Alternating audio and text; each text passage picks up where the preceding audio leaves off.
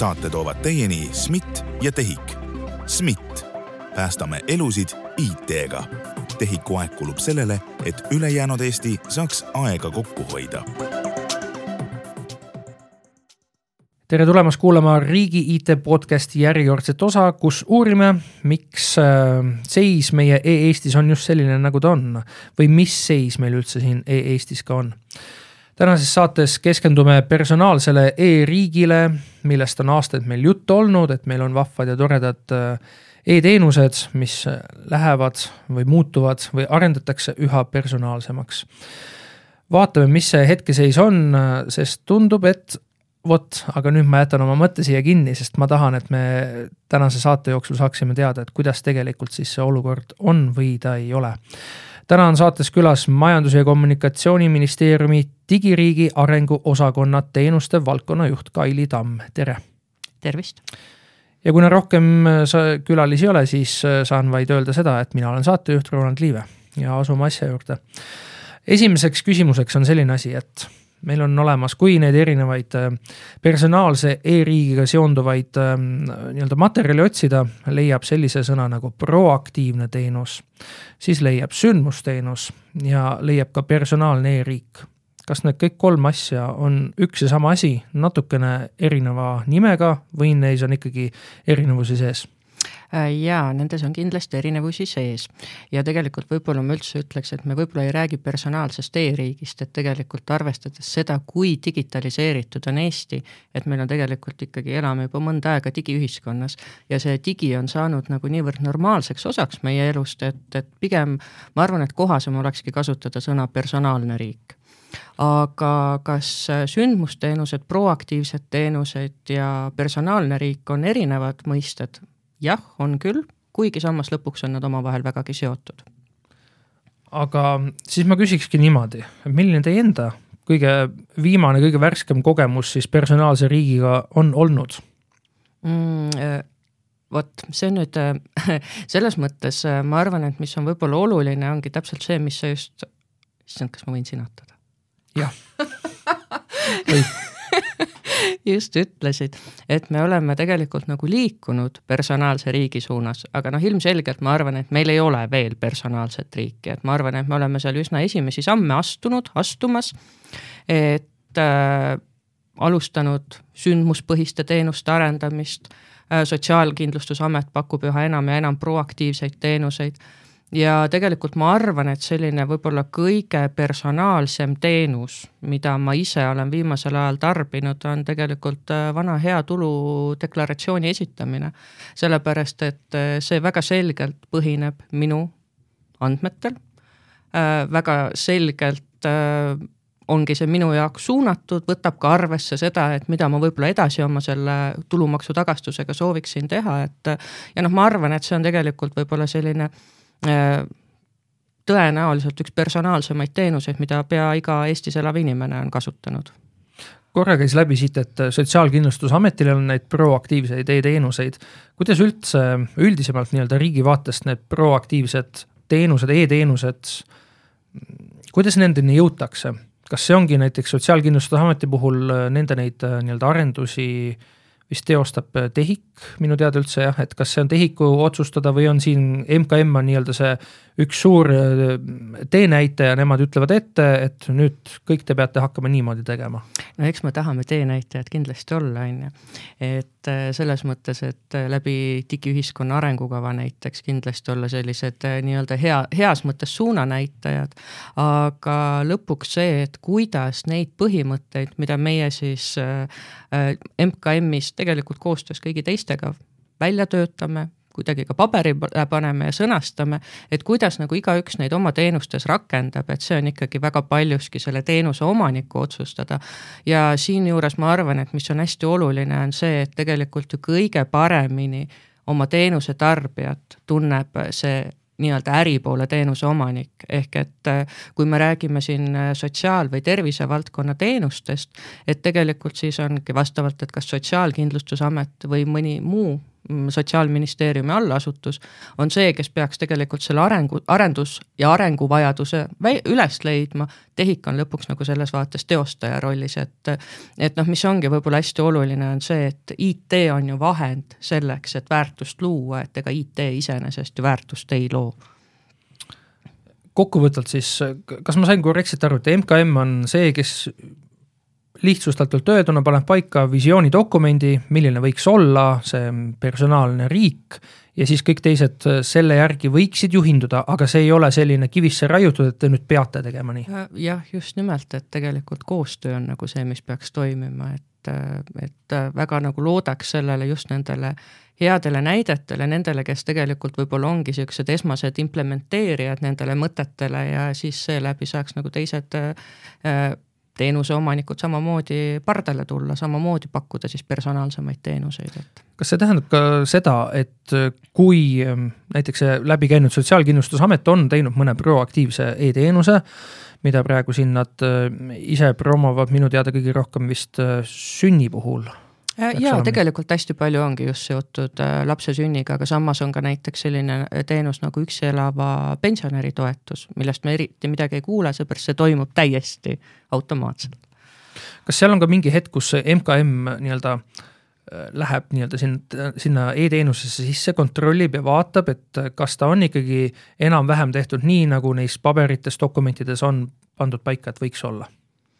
ma ma arvan, et me oleme pigem ikkagi nagu nõuandvas rollis, et, et selles mõttes, et järelevalvet me sellisel karmil moel kindlasti ei, ei teosta. ja noh, lõpuks on ka see, et hästi tihti noh, mida me hästi palju tahame rõhutada, just see kasutajakogemus, et kuidas kasutaja mingit teenust tunneb, tajub või näeb. et väga paljude teenuste puhul me lõpuks oleme ise ka selles kasutaja rollis ja eks me siis saame ka kindlasti sellest kasutaja vaatest anda sellele teenuse omanikule tagasisidet. et võib-olla mida, millele võiks mõelda, mis võiks paremini tehtud olla kuhu need kasutajad peaksid seda tagasisidet andma, kas ähm, toodud jälle Sotsiaalkindlustusameti puhul ongi pigem kohe otse neile, et mitte hakata siia MKM-i nii-öelda roll, mängu tooma, vaid rääkida otse nendega. jaa, sellepärast et lõpuks on ju teenuse omanik see, kes oma teenusele kõige lähemal seisab ja tavaliselt niimoodi ka tehakse, et. kuidas me jõuame nüüd selleni, et kümne aasta pärast me ei oleks olukorras, kus maailma meedia on täis uhkeid vahvaid artikleid, kuidas Eestis ma ikkagi ütlen, siis on selline personaalne e-riik, et, et laps sünnib, kohe tuleb teavitus kuskile ähm, riigi äppi nii-öelda ja, ja seal on kõik nii-öelda sotsiaalsed teenused või, või toetused välja toodud ja, ja, ja nii edasi, kõik muud, mida meil riik veel pakub. et kui rahvusvaheline meedia kirjutab, meil on Eestis on kõik sellised asjad, aga reaalsus on midagi muud, nii nagu meil on läinud äh, üleriigilise wifi ühendusega, mille kohta räägiti väga pikalt, Eestis on igal pool kõikjal. kui sa küsid mõne eestlase käest, siis kõik on nagu, mis asja, millest nad räägivad, ei ole meil mitte midagi sellist, see on lihtsalt nagu tavaline sideteenuste poolt pakutud äh, teenus, mis on kõikjal maailmas Äh, jaa, see on selles mõttes väga asjakohane küsimus, et äh, tegelikult ju, kui me räägimegi personaalsest riigist, et noh, siis tegelikult olekski väga hea, et meil ei ole ainult üksikud säravad näited. et tegelikult äh, riik niimoodi mm, üldiselt toimub ka sellel põhimõttel, et inimene on kõige tähtsam ja me teeme tegelikult ju asju inimeste jaoks, on ju. et et äh, tegelikult nüüd ongi see, et ühelt poolt meile annab juba praegu suunda see digiühiskonna arengukava, aga nüüd viimastel aastatel, just võib-olla viimase, päris viimase aasta jooksul on hästi tugevalt seesama personaalne riik äh, käibesse tulnud. ehk et äh, mis me praegu teeme, et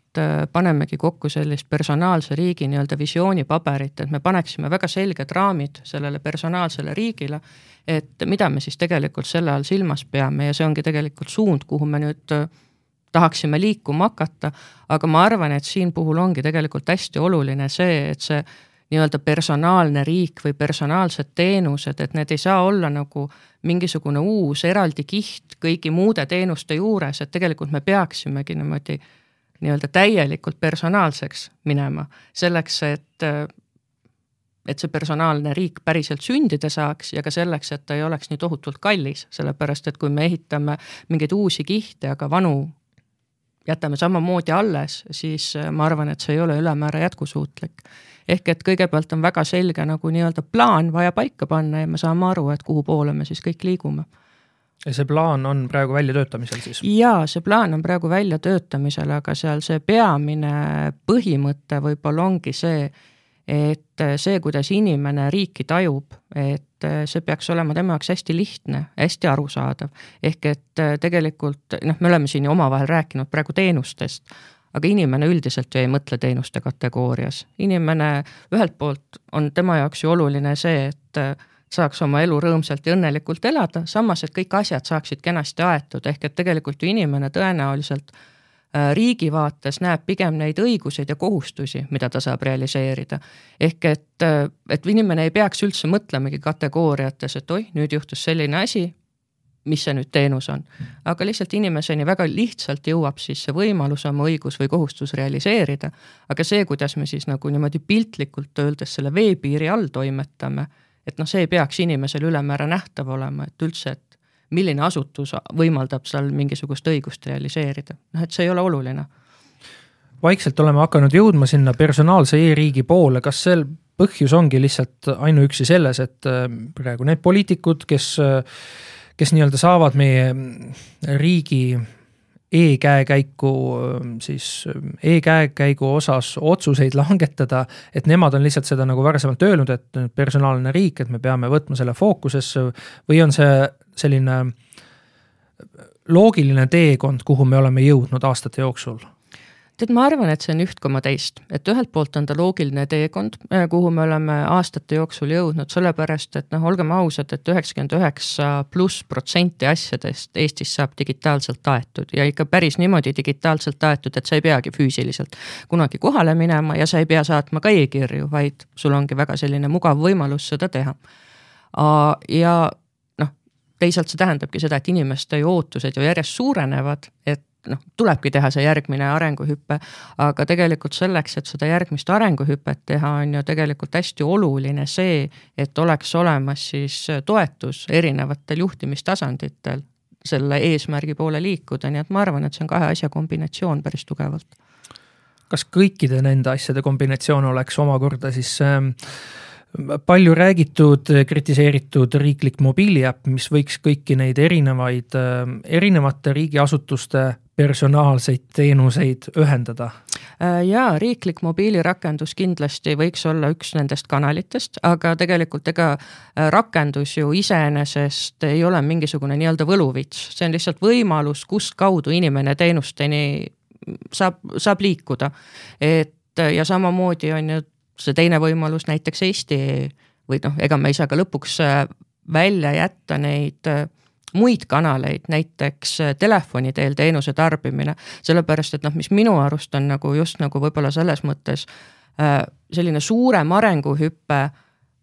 digiühiskond versus siis selline personaalne riik on see, et personaalses riigis võib-olla ei eeldata sinust sinult väga kõrgelt digipädevust ja noh, tegelikult ega ei peagi ju olema. aga samas see tähendaks seda, et ma saaksin ka vajadusel näiteks telefoni teel asjad hästi kenasti ära aetud, aga tehnoloogia tuleb appi. tehnoloogia aitab tõendada, et okei okay,, et tõepoolest, et mina olen Mari Murakas ai abil näiteks ja ma saan kõik täpselt sama lihtsalt tehtud, et ma ei pea küsima kellegi teise abi ehk siis äh, saime juba vastuse küsimusele, et kas äh, sellist personaalset riiki saab teha ka ilma äh, riikliku mobiiliäpita, sest me ju teame, et selle riikliku mobiiliäpi arendus on hetkel pausil. Mm, ma päris nii ei ütleks, et ta on pausil. me no, tegime. raha kulub, aga, aga me ei saa veel nagu sellist käega katsutavat toodet või teenust nii-öelda kodanikena siis kasutada. Mm, ja inimesed tõepoolest teenust veel kasutada ei saa. et äh, nagu me, me tegime pilootprojekti, me saime tagasisidet päris palju sellele, mille eest me oleme väga tänulikud, sellepärast et tegelikult see ongi see, kuidas me tahaks edaspidi asju teha. et inimesed on päriselt juures ja kaasatud. aga üks väga oluline komponent, mis sealt välja tuli, oli see, et need isikut tõendavad dokumendid, mida praegu on võimalik äh, mobiilirakenduses näha, et tegelikult selleks, et segadust vältida, oleks väga oluline, et nad oleksid ka õiguslikult kehtivad, ehk et selles osas me teeme praegu siseministeeriumiga koostööd, et siis vastav äh, seadusemuudatus äh, saaks jõustuda. ehk et äh, jah, et see on üks kohtadest kindlasti, mis tuleks enne kust tuleks nagu edasi liikuda, enne kui me inimestele saaksime laialt selle mobiilirakenduse kätte anda, aga aga ma kinnitan, et raha hirmsat moodi ei, et ei ole nii, et raha hirmsat moodi kulub ja me mitte midagi ei tee, et liigume siis meie ka natukene edasi oma vestluses, et see dokument, mis meil korra käis siin läbi vestlusest,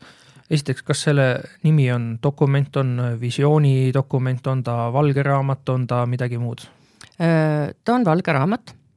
et äh, digiühiskonna arengukava ka, millest siin on juttu olnud, et äh, tegelikult meil on ka digiühiskonna arengukava uuendamine praegu käsil, et järgmise aasta alguses on plaanis selleks ühele poole saada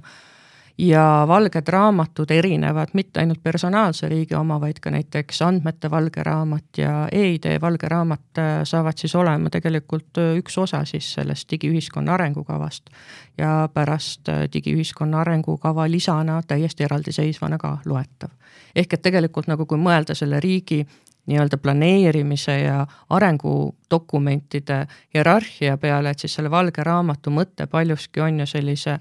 mõtteselguse loomine, et me saaksime asjadest vähem, ma ei saa ju alati öelda, et kõik inimesed mõistavad kõike ühtemoodi, aga me saaksime vähemalt sarnaselt aru, et edaspidi, kui me ütleme personaalne riik, okei okay,, et siis see tegelikult tähendab seda, et see ei tähenda näiteks ainult proaktiivset teenust kas sinna valgesse raamatusse lähevad ka mingid teetähised paika, et äh, on meil aasta, praegu veel on kaks tuhat kakskümmend kolm, kohe on kaks tuhat kakskümmend neli ja siis sealt edasi, et mis seal kõik järgnevatel aastatel hakkab toimuma? Äh, jaa, et äh, selle struktuur ongi niimoodi, et esimene osa annab sellise selgema nagu raami personaalsele riigile ja teine pool siis ongi nii-öelda rakenduskava, et kuidas äh, me seatud sihile hakkame lähemale jõudma, et kas see rakenduskava hakkab nüüd olema äh, kahe aasta pikkune või kolme aasta pikkune, et seda me natukene siin vaatame, aga ilmselgelt iga aasta vaatame ka üle. aga nagu ma ütlesin, et tegelikult juba on päris palju elemente, mida me teeme selleks, et olla personaalsemad, aga katsukski nüüd need ühele pildile tuua ja vaadata, et nad tõepoolest ühe eesmärgi suunas aitavad meil, aitavad meil liikuda. millal see valge raamat valmib? Mm, järgmise aasta päris alguses. kohe esimesel jaanuaril siis? ei, esimesel jaanuaril mitte, aga, aga ma julgeksin öelda, et esimese kvartali jooksul, et. aga kuidas me jõuame ka siin nüüd sinnani, et korra ma juba põhimõtteliselt analoogset küsimust küsisin, nüüd, nüüd siis tuleb seesama küsimus teises sõnastuses, rakenduskava. kuidas me tagame selle, et see rakenduskava ei, ei jääks ainult sinna valgesse raamatusse, vaid saaks ka reaalsuseks? No siin ongi tegelikult väga oluline see, et äh, rakenduskava esiteks tuleb teha nendega, kes seda tegelikult päriselt rakendama peavad hakkama, et see tõepoolest mahuks siis kõikide nii IT-majade kui ka tegelikult siis äripoole tööplaanidesse. Et noh, ma arvan, et see on esiteks juba üks päris oluline võtmesõna ja teine asi on ka see, et see rakenduskava ei saa jääda lihtsalt äh, reaks Wordi või Exceli dokumendis, vaid see tuleb ära siduda ka päriselt siis vajamineva ressursiga aga ma tahtsin küsida, et aga mis siis, kui nagu raha ei ole? rakenduskava ütleb küll, et me peame tegema seda, teist ja kolmandat, aga raha pole aga noh, siin ongi ilmselgelt prioritiseerimise küsimus, et tõenäoliselt kõike korraga ei saagi teha, aga lihtsalt vaatame, et mis on need asjad, mis meile eelkõige väärtust loovad ja siis saab sammukese edasi. ja teine asi on ka see, et lõpuks peab üle vaatama, et aga kas me, teised asjad, mida me teeme, kas alati on mõistlikud, et et võib-olla siin ju ajakirjanduseski on praegu päris palju läbi käinud see, et riik on ju ette valmistamas nulleelarve projekti, ehk et tegelikult plaanis ongi äh, teenustele laiemalt otsa vaadata, et äh, millistel teenustel on mõte, millistel on vähem mõtet, mis dubleerib ja nii edasi, ehk et äh, tegelikult need kaks asja peaksid praegu väga ühte sammu astuma. Ehk siis samal ajal valmib ka nimekiri riiklikest e-teenustest, mida meil tegelikult vaja ei ole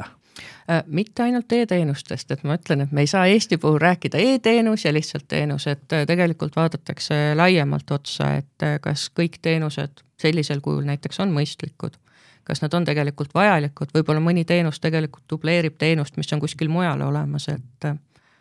kas me saame täna näiteid ka tuua? nii sel, selle poole pealt, et need teenused, mis on, tundub juba, et vaikselt ohus, et need võivad hakata ära kaduma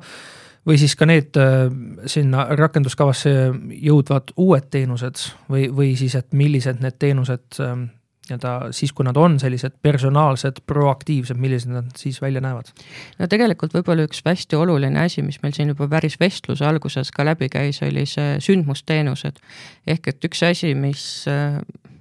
mille, mida me oleme nüüd siin harjutanud igatepidi, ongi see, et esiteks me mõtestaksime oma tegevust väga selgelt inimese keskselt läbi. ehk et kui me paneme ennast inimese kingadesse ja mõtleme, et mingisuguse sündmuse peale, mis kas tema eraelus või ärielus on toimunud ja mõtleme selle peale, et mis tal on selle raames vaja teha, et me mõtleksime tegelikult nendele teenustele sellest vaatepunktist. ehk et tegelikult ma arvan, et see on kindlasti üks koht, mis äh, aitaks meil senisest võib-olla mõistlikumalt toimetada. ma ei oska siin praegu ühtegi konkreetset näidet tuua, et oi, et see, see asi nüüd ei kuulu enam äh, toimetamisele või tegemisele. aga kui me mõtleme ka näiteks võib-olla laiemalt sotsiaaltoetuste peale, et äh, võib-olla need peaksid olema senisest rohkem võib-olla vajaduspõhised ehk et tegelikult personaalsemad, et no siin selles mõttes on võimalik vaadata nii inimese elukaare lõikes kui ka tegelikult siis mingisuguse konkreetse rea vaates, et äh, mis ja kas on vajalik. ja see pool oleks vist, äh, ma eeldan, poliitikute otsustada just. just nimelt kas poliitikud saavad vabalt ka otsustada seda, et kui see valge raamat on valmis, rakenduskava on valmis ja äh, tuleb kes iganes meil järgmisele nii-öelda valimised võidab ja ütleb, et teate, ei taha üldse neid, et jah, meil on neid teenuseid vaja, mida riik osutab ja pakub, aga jätame kõik selle digi ära ja niimoodi me hoiamegi raha kokku. ja siis, ja siis ongi see, et me kasutame, võtame paberi ja pliiatsi jälle kasutusele ja hakkame niimoodi kasutama neid riiklikke teenuseid ma väga tahaks loota, et, et, et niimoodi ei juhtu, aga lõpuks on ju arengukavad, noh, mille osa tegelikult seesama valge raamat ka on, et on ikkagi rohkem sellised nii-öelda ühiskondlikud kokkulepped, mis ei ole koalitsioonilepe, ehk et äh, arengukavad seatud eesmärkide, sihtide muutmine ei peaks toimuma koos valitsuse muutusega. aga mis need sihid, eesmärgid ikkagi on? et mi-, mida me saame seal kohe lähiaastatel niimoodi käega katsutavas kauguses on? Äh, ma tulen korraks jälle nende samade sündmusteenuste juurde, ehk et äh, eelmise aasta lõpus, selle aasta algusest on ju, on kaks sellist sündmusteenust inimese vaates kasutatavad või noh, vähemalt nende esimesed äh, sammud siis on ju, abiellumine on oluliselt digitaalsem kui varasemalt ja lapse saamisega seoses on info ühte kohta rohkem kokku koondatud. ehk et enam ei pea perekoolist või, või jumal teab kust kohast infot otsima, kui laps sünnib ja päris palju asju on automatiseeritud ka ja lisaks tegelikult äh, sellel aastal, mis me tahame ära teha on äh, see, et äh, ka näiteks ajateenistuse kohustusega täitev, täit-, ajateenistuse kohustuse täitmisega seotud info on ühest kohast leitav ja seda kuni selleni, kuni sinu reservteenistus lõpeb äh,. siis seoses lähedase surmaga tegelikult see asjaajamiste maailm on üsna keeruline, et ka see on koht mida me nüüd lihtsustame. ja kolmas asi ei tule praegu meelde kas ka pensionile jäämine vist on üks äh, neist või see on kaugem? aga see on natukene kaugem, äh, kaugem äh, teema, et et ühesõnaga, et sündmusteenused on kindlasti sellised nagu need kohad, kus inimestele juba tekib käegakatsutav selline väärtus ja nad saavad mingeid asju paremini, selgemalt võib-olla senisest kasutada. aga võib-olla ka võib, mis on siin taustal hästi oluline millest me ei saa ei üle ega ümber, kui me räägime personaalsest riigist, siis kõik andmetega seonduv, et kogu andmehaldus äh, ja nii edasi. et äh, selles osas me, ma arvan, et me oleme ikkagi viimastel aastatel päris äh, korralikke samme edasi astunud, aga samas päris pikk tee on minna. et, et see on kindlasti see, millele me peame väga palju tähelepanu pöörama selleks, et inimene tõepoolest saaks selle oma parima, parima kogemuse riigiga suhtlemisel kui meil praegu on olemas äh, juba siis äh, lapse sünniga seonduvad äh, siis sündmusteenused, mida tõesti tegelikult igaüks saab ju, minu teada oligi riigiportaalis eesti.ee tutvuda nendega, seal on nagu hästi palju ähm, koondavaid artikleid, et ei pea erinevatest foorumitest lugema selle kohta, et mi-, mida, kuidas nii-öelda riik pakub ja võimaldab ja, ja kuidas näiteks lapsehoolduspuhkusele jääda ja, ja kõike seda kaasnevat. aga kas meil annaks kuidagi olemasolevad need vähesed sündmusteenused kuidagi liita koheselt juurde ka proaktiivsetele teenustele. ma toon näite, kui meil on abielupaar, kes siis äh, naispool on lapseootel, kas mitte ei võiks juba siit tulla see proaktiivselt, et kuulge, et väga, väga tore uudis, et näete, siit te saate juba eelnevalt, enne lapse sündi tutvuda selle, teise ja kolmandaga, ehk tuleks see teavitus juba enne lapse sündi, et teil on nüüd olemas see koht, sest praegu on see, et sa pead iseseisvalt ikkagi otsima seda, seda riigiportaalis seda kohta taga. jaa, tegelikult praegu me oleme iseenesest või noh, Sotsiaalministeerium paljuski on koostööd teinud ämmaemandajate ja siis haiglatega, et tegelikult nemad selles mõttes küll suunavad äh, lapseootel peresid äh, Eesti eesse sisse infot, infot otsima või infot leidma, võib-olla nüüd oleks õigem öelda, seepärast nii väga otsida teda enam ei ole vaja. aga jah, selline personaalne teavitus, äh, miks mitte ja võib-olla tõesti, et just mitte, et mitte ainult naisele, vaid mõelda ka nagu pere peale laiemalt, et, et saaksid lugeda mõlemad osapooled kas mulle endale väga meeldiks ka see ja ma justkui nagu suunasingi teid sinna suunas, et te räägiksite sellest aga samas ma näen ühte potentsiaalset murekohta seal see, et just, et ähm, lapse ema, noh, meil on teada, kes see lapse isa on, seal võib olla ju küsitavusi, et, et ehk võib olla see, mis äh, saab sellise, sellise proaktiivse teenuse puhul takistuseks. Noh, andmed ongi tegelikult täpselt seesama võluvits, ehk et need andmed peavad olema tõepoolest õiged aga samas äh, isadust ei saa ju võtta omaks enne, kui laps ei ole sündinud. jaa, aga Eesti seaduste kohaselt on vist, üks koht on lihtne, et kui vanemad on abielus, et siis on a priori juba selge, et ehk siis abielus paaride puhul on, oleks see teoorias võimalik? Jah, kindlasti oluliselt lihtsamini teostatav, teistpidi nähtavasti lihtsalt ütluse põhjal, aga tõenäoliselt see võiks päris palju segadust tekitada. ma jään praegu selle sünnisündmusteenuse juurde praegu äh, hetkel veel ei ole nii, et koheselt, kui laps on sündinud, ehk siis endale mm, haiglas äh, isikukoodi saanud, et vanematele saadetakse e-kiri selle kohta, et kus öeldakse palju õnne ja et nüüd vaata, et mine sinna kohta, sealt sa saad selle kohta lugeda. Siin on äh, erinevad riigi poolt pakutavad toetused, sotsiaalteenused ja siin on ka kohaliku omavalitsuse omad. kas see ei oleks ka nagu üks väga lihtne asi, mida saaks nagu kohe nagu nipsust ära teha, sest tegelikult süsteem põhimõtteliselt on olemas. selline õnnitlusteavitus tuleb, aga see tuleb, kui see oli kuskil päev või kaks pärast seda, kui laps on sündinud. see võiks ju tulla nagu kohe sekundi pealt, isikukood on olemas, mis seal oodata? jaa, aga alati ei lõppe kõik lood äh, õnnelikult või ei alga õnnelikult, et äh, see on lihtsalt see koht, mille peale me oleme mõelnud. et äh, täisautomaatsus ei saa alati tekitada, et Olgu, see inimlik pool on nagu seal alati juures seda küll jah, aga siis lisada ikkagi juurde peale selle õnnitluse, mis seal praegu on, kõik, kõik see muu, mis ma kirjeldasin. sest praegu on ikkagi seda, et sa pead ise minema ja hakkama uurima. Jah, aga no selle mõtte võtame siis kaasa. samas on äh, kindlasti väga tore see, et kui Sotsiaalkindlustusameti lehel on inimene ju äh, andnud nõusolekut tõepoolest, et see sünnihüvitis, vanemahüvitis ja nii edasi, et kõik on nagu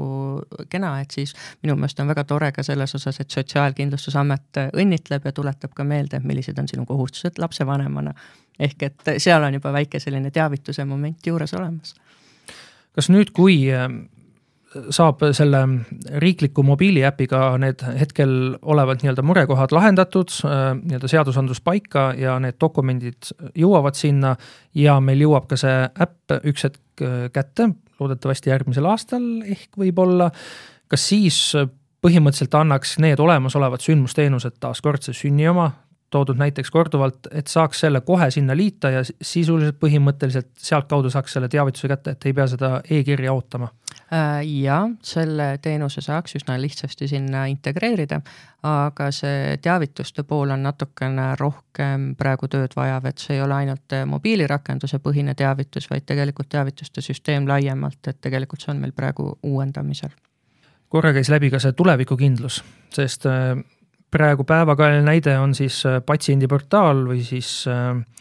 äh, terviseportaal uue nimega, kus olukord oligi niimoodi, et see vana patsiendiportaal nagu sisuliselt peab jätma nagu minevikku ja täiesti nullist arendati uus lahendus. jah, ma tean, nüüd öeldakse, et mitte päris täiesti nullist, midagi taustal ikkagi on, aga kuidas me nende personaalsete e-teenuste puhul ütlen, mina ütlen e-teenused, kuidas me nende puhul saame selle tulevikukindluse tagada, et kui nad nüüd kaks tuhat kakskümmend neli tehakse valmis, et nad oleks kümne aasta pärast äh, täiesti toimivad või töötavad või niimoodi arendatud ja loodud, et kui vahepeal on pandud sinna veel mingisuguseid ähm, kihte peale, et see süsteem toimiks, mitte ei laguneks kokku? no ma arvan, et siin vist tõenäoliselt see väike võtmesõna on hajus arhitektuur, on ju, mille poole liigutakse, et et see on kindlasti üks asi, mille peale mõelda ja tegelikult tulevikukindlus tõenäoliselt laiemalt, et me oleme sellised nii-öelda teenuse arendamise kümme käsku või kümme põhimõtet välja töötanud ja seal üks asi, tegelikult üks väga oluline komponent on ka see, et vaata tulevikku, et mida iganes sa teed, et et kas üleüldse see tehnoloogiline lahendus, et kas ta näiteks ka aasta pärast on jätkusuutlik, mõnikord ei pruugi see isegi mitte niimoodi olla. ehk et natukene on vaja kaugemasse tulevikku kindlasti alati vaadata. Üks selline imeline võlusõna, mis meil eksisteerib, GDPR või siis eesti keelise lühend ICUM, kas see seab meile ka mõne piirangu nende personaalsete proaktiivsete sündmusteenuste puhul või, või seal nagu seda probleemi ei ole? Äh, kindlasti on, aga kas see nüüd on probleem või see on inimeste kaitsmine, et see on nüüd nagu noh, omaette küsimus, et kumba vaatenurga alt äh, läheneda sellele et äh, tegelikult üks asi, mida me personaalse riigiga seoses oleme mõelnud, et tegelikult inimeste privaatsus ja personaalsus, taju ja vajadus on hästi erinevad. ehk et tegelikult ideaalselt personaalses riigis ju võiks ju olla ka niimoodi, et ma ise tegelikult saan valida seda, kuivõrd personaalne see teenus mul on. et äh, võib-olla tõesti, et noh, minu puhul noh, ma ei tea, näiteks minu enda puhul ongi täiesti okei okay,, et kui ma saaksingi nii-öelda väga personaalse pakkumise mis tahes teenuse puhul või minu eest isegi võib-olla justkui andmete põhjal midagi isegi natukene otsustatakse, et see oleks nagu täitsa okei okay,, aga kellegi teise jaoks ei see pruugi niimoodi olla. Ehk et tegelikult äh, arvestades inimeste nagu personaalsust ja privaatsusvajadust, ehk et äh, võiks siis olla nagu erinevad nii-öelda, erineva personaalsusega teenused. ja see, mis nüüd äh, seadusandlust puudutab, et me peame seal ka tegelikult täpselt samamoodi sellega arvestama, et me ilmselgelt ei saa ilma, et inimene sellega nõus on, liigselt tema eraellu sekkuda kas see tähendab seda, et üks hetk võib olla niimoodi, kui sa logid riigiportaali sisse, sul küsitakse nõusolekut, et kas sa tahad neid äh, sündmusteenuseid äh,, proaktiivseid teenuseid äh, või mida veel. just. ja kui inimene ütleb, et tema ei taha, siis tema ongi see, kes äh,, kui laps sünnib, ta peab ise kõik nii-öelda käsitsi läbi tegema, panema kirja kõik nimed, ma ei tea, kuidas üldse, aga kuidas nad siis teevad nagu, nagu reaalselt, kui nad soovivad lapsele nime panna, aga meil ongi praegu, see ongi ju, nii nagu on öeldud, mitte ei ole nagu e-teenus, vaid see on teenus, mis ongi nagu digitaalne ainult. aga kas, kas tegelikult on... on võimalik ju minna endiselt perekonnaseisuametisse kohale, aga lihtsalt noh, inimesed võiksid selle, sel juhul meeles pidada, et ka seal on andmed, et andmed ei ole ainult äh, digitaalsed andmed, et tegelikult ka need andmed, mis on, ma ei tea, võib-olla paberi peal või ka need andmed, mida sisestab tegelikult see ametnik, on täpselt samamoodi andmed et ja kas paberil olevad andmed on tegelikult paremini kaitstud kui digitaalselt olevad andmed, et need on lihtsalt võib-olla sellised mõtlemise kohad me oleme juba üle poole tunni rääkinud sellest ähm, personaalsest riigist sündmusteenustest ja, ja kõigest sellest kaasnevast ja ma nüüd lõpetuseks küsiks hoopis seda, et kas äh, praegu ongi siis, et digiriigi arenguosakonna teenuste valdkonna juhi töö, igapäevane energia äh, mõtted, kõik lähebki selle valge raamatu väljatöötamisele? Oh ei, oleks see vaid nii aga see kindlasti moodustab väga-väga suure osa, aga tegelikult meil äh, teenuste valdkonnas või teenuste tiimis siis, et tegelikult äh, toimetame oluliselt rohkemate teemadega. et äh, tegelikult seesama sündmusteenused, mis siit läbi käis tegelikult üldse kõik need samad erinevad nii-öelda otsesed avalikud teenused, ehk et see koht, kus inimesel on väga selge isiklik kokkupuude riigiga, kui ta tahab mingisugust õigust realiseerida või kohustust täita. et ka kõige selle koordineerimine, noh, kõlab muidugi võib-olla hästi üldiselt, aga tegelikult on samamoodi me, meie tiimi ja valdkonna ülesanne. ja siis kõik, mis puudutab teenuse disaini ehk et tõepoolest, et me selliseid kasutajakeskseid teenuseid mitte ainult MKM-i valitsemisalas, vaid üle, üle riigi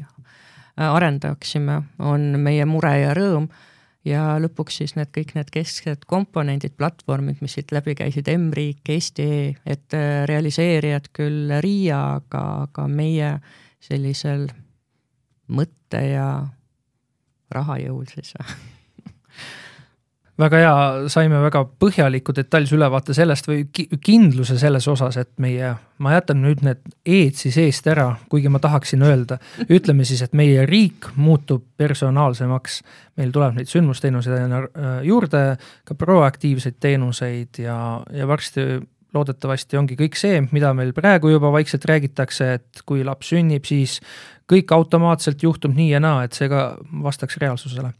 jaa, ja muuseas, et noh, miks see võiks juba ka enne lapse sündi olla, et näiteks ka riik pakuks sulle lapsele näiteks nime, et kui sul on endal mingisugune loominguline kriis või nii edasi, et, et siin on võimalusi on väga palju.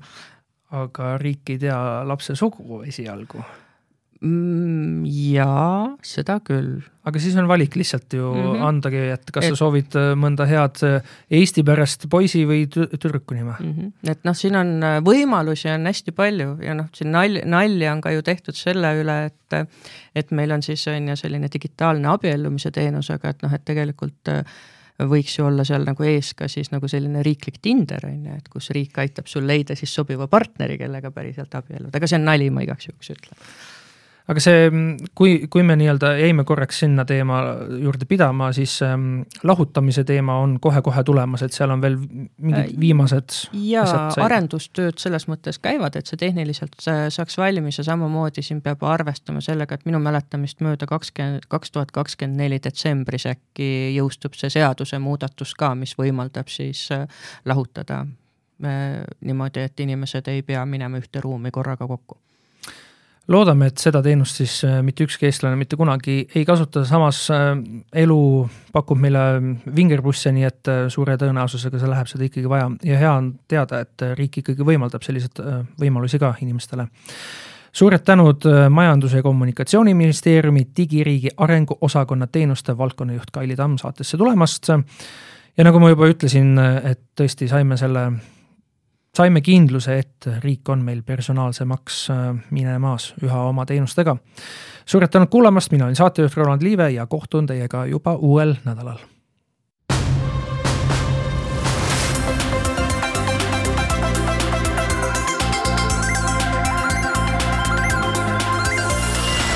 saate toovad teieni SMIT ja TEHIK. SMIT, päästame elusid IT-ga tehiku aeg kulub sellele, et ülejäänud Eesti saaks aega kokku hoida